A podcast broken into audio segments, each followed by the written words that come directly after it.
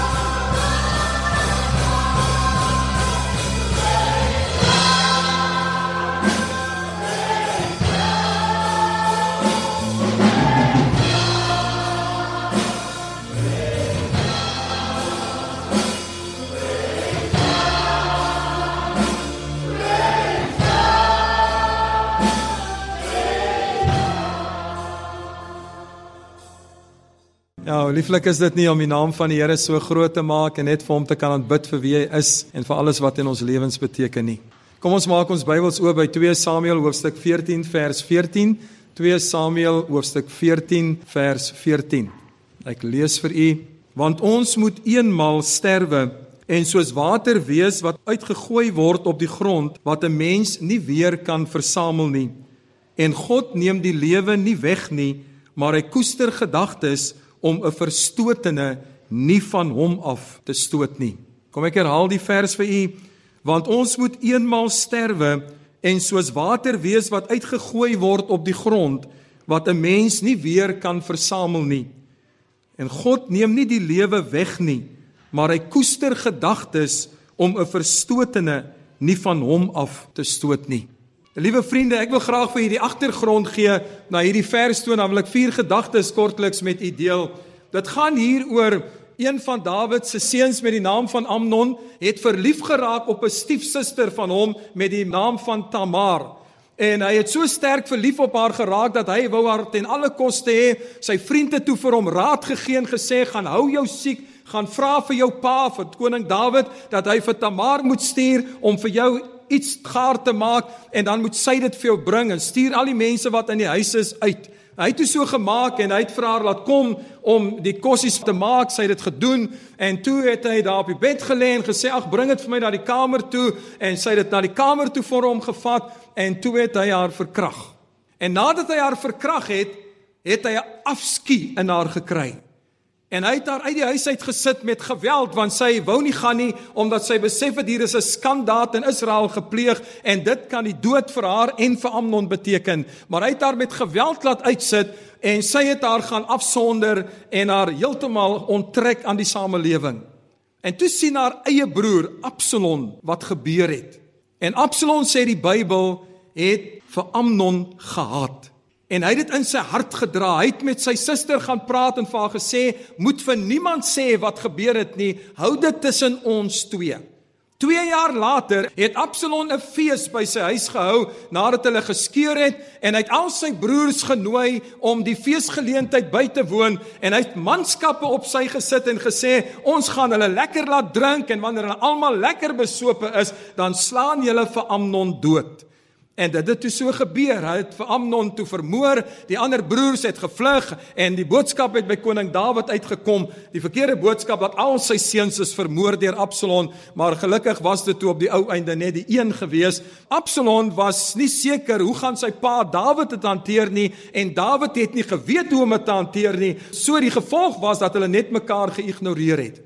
Absalom het na ander naburige dorp gegaan en daar gaan bly, maar Dawid was bedruk. Dawid was neerslagtig want hy was lief vir Absalom, maar hy het nie geweet hoe om dit te hanteer nie. En so het 4 jaar verbygegaan. Maar in hierdie 4 jaar het koning Dawid so depressief en neerslagtig geraak dat sy manskappe kon nie eens waag om 'n grap naby hom te maak nie, want hy was hartseer oor sy seun wat hy nie kon sien nie. En toe het Joab, die leerowerste van Dawid besluit, dit kan nie so aangaan nie. Die hele volk kan nie ly as gevolg van een iets wat in die koning se huis gebeur het nie. Hy wou toe met die koning praat, maar hy het geweet dit kan ook sy lewe kos. So toe het hy iemand gaan soek om met die koning te praat wat die moed en die durf sou hê om met hom te praat. En toe daar 'n vrou, haar naam word nie genoem nie, maar 'n vrou uit die dorp Tekoa het haar aangebied en gesê ek sal met die koning gaan gesels. Sy het toe vir koning Dawid 'n storie vertel en koning Dawid hou van stories en hy het vir die storie geval. Sy het 'n storie vertel omtrent haar twee seuns en koning Dawid het onmiddellik simpatie met haar gehad en toe het hy agtergekom, maar sy het my eintlik in 'n lokval gelei want ek toon nou simpatie vir haar ander kind wat leef, maar ek het nie simpatie vir my eie kind nie. En dan sê sy hierdie woorde onder andere vir hom vers 14. Die mens moet sterwe. En as hy sterwe, dan is hy soos water wat 'n mens op die grond uitgiet wat jy nie weer bymekaar kan maak nie. En dan hierdie stelling, God neem nie die lewe van 'n mens weg nie, maar hy koester gedagtes om elkeen wat verstote voel nie van hom af weg te stoot nie. Vier punte wat ek graag hier wil uithaal en sommer die lewe daarmee opsom. Eerstens, ons moet almal sterwe. Niemand kan van die dood af wegvlug nie. En ons weet dat die dood is wreed want dit breek verhoudinge op, dit laat treurendes agter en dit maak baie keer dat dinge net nie lekker is nie. Dit bring hartseer en pyn. Maar liewe vriende, as daar een iets is wat ons vanoggend vir mekaar moet sê, dan is dit dis die een sekerheid van jou lewe en dit is dat jy sal doodgaan. En daarom omdat dit iets is wat baie seker is, is dit natuurlik nodig dat 'n mens moet weet hoe jy die dood tegemoet gaan. Dat jy moet verstaan wat die doel en die betekenis van die dood is. Baie mense het baie opvattinge oor die dood. Baie mense het hulle eie menings, hulle teorieë oor die dood, maar die werklikheid is in die eerste plek dat die dood beteken dat jy fisies nie meer saam met jou families en vriende sal wees nie. En nou kom hierdie vrou by die tweede punt uit. Die tweede punt is sy sê dat wanneer 'n mens doodgaan, dan is dit soos water wat jy uitgiet op die grond en jy kan dit nie weer bymekaar maak nie. En as ek aan hierdie gedagte dink, dan dink ek altyd aan die ou tyd waar jy die onderdeur en die bodeur nog gehad het in die kombuis en mense die water soms oor die onderdeur gegooi het daar buitekant en as jy daar verby sou stap, dan sou jy kon sien die merke lê in die grond van iemand wat water uitgegooi het, maar jy kan nie sê hoeveel water het die persoon uitgegooi nie en jy kan ook nie die water weer bymekaar maak nie. So met ander woorde, wat hierdie vroutjie wil hê koning Dawid moet verstaan is dat as die dood op 'n mens se pad kom, dan dan is dit verby. Die geleenthede is verby. Daar's niks wat jy meer kan regmaak na die dood nie. En dit is wat mense moet besef. Sy het geweet nou deur monde van Joab dat Dawid en sy seun lewe in onguns met mekaar en sy wou vir koning Dawid sê koning Dawid as een van julle twee sterwe dan laat julle 'n merk agter en jy kan nooit weer regmaak wat verkeerd was nie. En vriende, dis baie baie belangrik vir ons om dit te weet, omdat ons almal die dood in die oë kyk. En kom ek sê dit net nog dat ons weet, dit is dis hoe dit is, ons is mense en dis verstaanbaar dat 'n mens dit baie kere beheptheid met hoe iemand sterwe.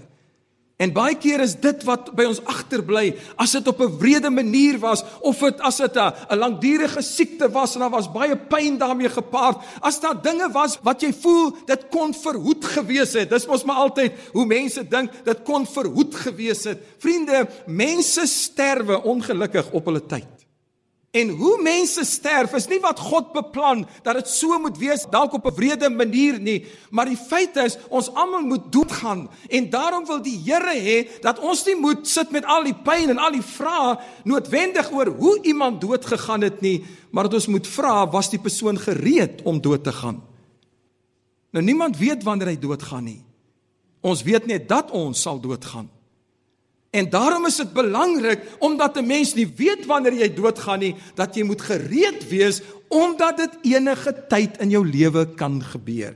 'n Lang lewe is vir niemand 'n belofte nie. Dis genade uit die hand van die Here.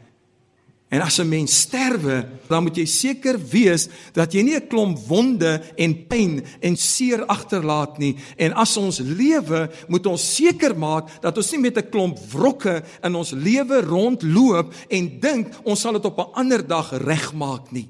So dis die tweede ding, die dood ontneem jou aan geleenthede, aan kansse, jy kan nie weer regmaak nie. Die derde gedagte wat hier uitkom is dat sy maak die stelling, sy sê koning Dawid, God neem nie die lewe van 'n mens weg nie. Jy sien baie mense beweeg deur die lewe. Hulle sit met seer, hulle sit met pyn, hulle sit met teleurstellings. Hulle voel daar's 'n donker wolk wat om hulle hang en dan het ons die geneigtheid om die stelling te maak, dit is God se doel met my lewe. Liewe broers en susters, God se doel was nog nooit lelik vir ons nie. As hy sê in Jeremia 29 vers 11 dat ek weet watter planne ek vir jou het, dan is dit goeie planne al die pad. Dit beteken nie dat dit net altyd sal goed gaan dat daar nooit probleme in jou lewe sal opduik nie, maar God beplan nie hartseer en leed en die verkeerde dinge vir ons nie. Hy het goeie dinge vir ons in gedagte. Maar daar's soveel mense wat vandag verbitter teenoor die Here is. Daar's soveel mense wat met kwaad in hulle harte teenoor die Here lewe omdat hulle glo God het dit my aangedoen. Hierdie vroutjie wil hê dat koning Dawid moet verstaan, die ding wat tussen hom en sy seun gebeur het, was nie God se beplanning nie. Dit was nie God se wil en se doel daarmee nie. So hy kan nie nou vir God wil blameer en sê ja, hy sal dit op sy tyd wanneer hy reg voel, sal hy dit hanteer wanneer dit hom pas nie. Nee, sy wil vir hom sê, daar's 'n ding verkeerd, maak dit reg. Jy het nou 'n goddelike geleentheid om dit reg te maak. Kry dit reg, kry dit agter die rug. Want dis genade wat die Here gee. Hoeveel keer het ons nie al gesien dat wanneer families sterwe of iemand in 'n familie sterwe, dat daar altyd mense met verwyte agterbly nie. Dat daar altyd mense is wat sê en dit sal altyd so wees want dit is nie altyd noodwendig sleg nie, maar ek wou nog dit vir my ma gedoen het. Ek wou nog dit vir my pa gedoen het. Ek wou nog dit vir my kind gedoen het. En daardie tipe van ding, daar sal altyd iets wees wat jy nog wou gedoen het, want die dood kom skielik op 'n mens af. Maar dis daai dinge wat jy in jou hart mee rondloop, daai dinge wat seer en pyn in jou lewe bring en jy handel nie daarmee terwyl jy die geleentheid en die voorreg het nie. En die Here wil net hê dat ons moet verstaan, dis nie hy wat hierdie slegte dinge beplan nie. Dis nie hy wat dit voor ons gooi omdat hy ons wil afbreek nie. Ek het hierdie stelling dat ek altyd sê God is nie my vyand nie. Hy's die beste vriend wat ek ooit sal hê. En daarom as hy my vriend is, dan moet ek hom vertrou. En as hy vir my sê dat ek dinge moet regmaak in my lewe, want sy hele woord praat daarvan, dan het ons nodig om dit reg te maak omdat die tyd vir ons kan ontneem word. So liewe vriende, dis belangrik dat 'n mens moet weet God neem nie die lewe van 'n mens weg nie. Hy gee lewe. Hy sê in Johannes 10 dit so treffend vir ons dat die Satan Die duiwel het gekom om te slag, te steel en te verwoes, maar ek het gekom dat jy 'n lewe kan hê en dit in oorvloed. Glo dit vanoggend. Ontvang dit en soek dit. Maar besef ook vanoggend dat daar dinge, omstandighede is, dinge wat in 'n mens se lewe kan gebeur wat jou kan beroof van die lewe en die oorvloed wat daarmee gepaard gaan. Weet jy wat is wonderlik van om kind van die Here te wees? En in die Here se wil te probeer lewe. Ons kry dit nooit altyd heeltemal reg nie. Dit is die wonderlikheid daarvan dat selfs wanneer jy deur 'n krisis gaan, dan is jy nog steeds in oorwinning. Dit beteken nie soms dat jy nie trane stort nie. Dit beteken nie soms dat jy nie deur moeilike tye gaan nie, maar omdat jy die Here se plan vir jou lewe raak sien, omdat jy weet die Here is nie jou vyand nie, kan jy en sal jy as 'n oorwinnaar aan die ander kant uitkom. En dan is ons by die 4de punt wanneer hierdie vroutjie vir koning Dawid sê, weet jy wat koning Dawid, dis my so pragtig. Hy sê God koester gedagtes. Nou as 'n mens enigiets koester, dan is dit omdat dit mooi is. Enigiets wat jy koester is vir jou spesiaal. So as 'n mens dink aan 'n ouer wat gedagtes koester vir sy kind of vir haar kind, dan wat koester jy vir jou kind? Ongeluk? Teleurstellings? Pyn? Nee, hopelik nie. Jy koester die mooi dinge. Jy wil hê jou kind moet gelukkig wees. Jy wil hê jou kind moet 'n toekoms hê. Jy bid vir jou kind daarvoor. Jy vertrou dat jou kind die regte besluite sal neem sodat hy of sy daardie drome kan verwesenlik. So as God sê hy koester gedagtes, dan moet ons weet dit is mooi gedagtes. So hoor wat is die gedagte? Hy sê hy koester gedagte om enige iemand wat verstote is nie van hom af weg te stoot nie. So liewe vriend, ons moet verstaan in hierdie oggend, ons het 'n vyand en sy naam is die duiwel. En mense sê altyd, moenie die duiwel so blameer nie. Wel, hy's 'n werklikheid. En al wat hy kan doen is om lewens te verwoes en om verhoudings te verwoes. Al wat hy kan doen is om mense se drome van hulle af weg te vat. So jy moet jou vyand ken en weet dat hy jou wil beroof van wat God vir jou koester.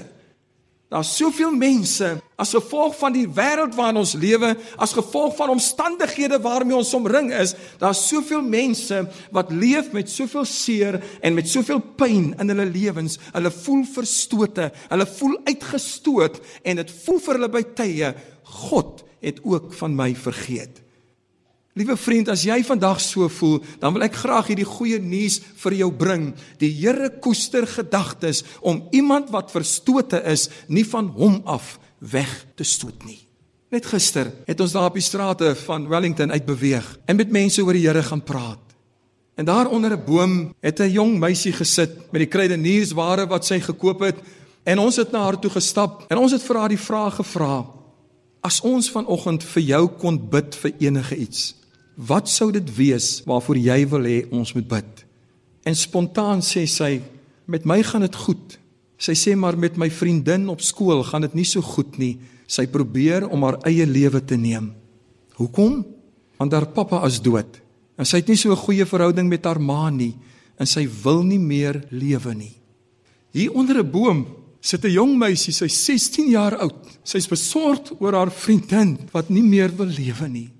So hoekom moes ons gister onder andere op Wellington se strate uitgaan omdat die Here vir iemand wou hoop gee, vir 'n vriendin wou hoop gee om vir haar vriendin te kan gaan bemoedig. En daar onder die boom kon ons haar bemoedig, kon ons saam met haar bid. Dis wie God is. Dat enige iemand wat verstote voel, enige iemand wat vanoggend voel, die lewe is nie meer vir my nie, die lewe gee my net sy rugkant, my vriend is nie waar nie. God het jou lief. Maar die Here wil hê dat ons dinge ook moet regmaak in ons lewens. Die Here wil hê dat ons dinge moet gaan uitpraat met mense, dat ons moet regmaak dat ons nie met verbitterheid iemand agterlos die dag as ons doodgaan nie en terselfdertyd dat ons nie met mense seermaak in ons lewens en nooit gaan verskoning vra nie. God wil niemand van hom verstoot nie. Hy wil almal na hom toe trek. Hy wys dit vir ons van die begin van die Bybel af as hy na Adam en Eva roep nadat hulle gesondig het. So liewe vriend, wat is dit wat ons van God af weghou? Wat is dit wat maak dat ons van God af weggestoot voel? Weet jy, dis die meeste van die tyd net sonde wat ons van God af weghou. En daarom wil ek hierdie uitnodiging rig tot elkeen vanoggend. Moenie wegdraai van die Here af nie. Moenie jou rug draai op die Here nie. Kom na hom toe. Vertrou hom. Probeer hom. Hy sê beproef my. Kyk wat hy in staat is om in jou lewe te doen. En dalk het jy nodig om doeteenvoudig vanoggend net te sê Here, wees my genadig. Here, vergewe my. Here, U weet waarmee ek loop in hierdie oggenduur, maar ek is moeg daarvan om so verstote deur die lewe te gaan terwyl almal vir my sê die Here het my lief. My vriend, ek wil jou nooi, kom geniet sy liefde kom leer wat hy vir jou kan doen. Ek kan vir jou sê hy het my hele lewe verander vandat hy in my lewe gekom het en dit het nie beteken dat teleurstellings en hartseer my pad nooit opgekom het nie, maar wat ek vandag kan sê deur dit alles het die Here my deur sy genade staande gehou. Hy kan dit vir jou doen, hy wil dit vir jou doen as jy hom sal vertrou met wat ook al vandag in jou lewe is, of dit jou sonde is, of dit jou seer en jou pyn en jou teleurstellings is, of dit verhoudinge is wat nie reg is nie, vertrou hom vanoggend daarmee, want ek kan vir u sê, hy gee om en hy wil vir jou help. Mag die Here vir u seën. Kom ons bid saam. Hemelvader, baie baie dankie dat ons in hierdie oggenduur enige iemand kan kom opdra vir u.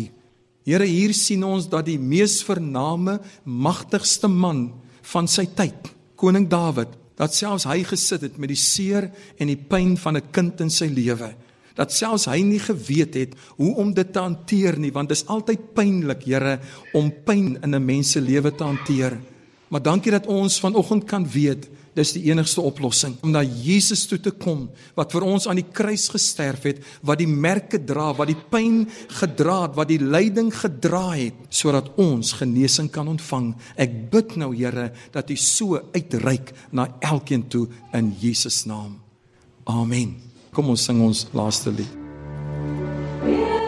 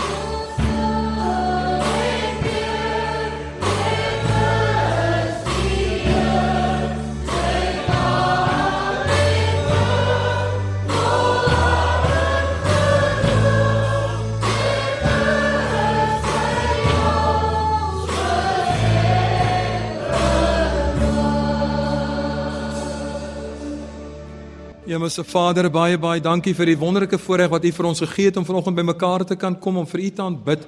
Maar Here ook om net U liefde en U genade te kan ervaar. En Here, ons bid nou dat U U seën verder oor elkeen sal uitstort dat soos wat ons hierdie week ingaan, dat ons net bewus sal wees van U heerlike teenwoordigheid. Geliefdes, die genade van ons Here Jesus Christus, die wonderlike liefde van God ons se Vader, asook die geseënde teenwoordigheid met God die Heilige Gees en die Here se vrede. Dit word vanoggend vir u elkeen en vir u gesinne toegebid vir die week wat voorlê totdat Jesus sou kom of totdat ons weer ontmoet. Amen.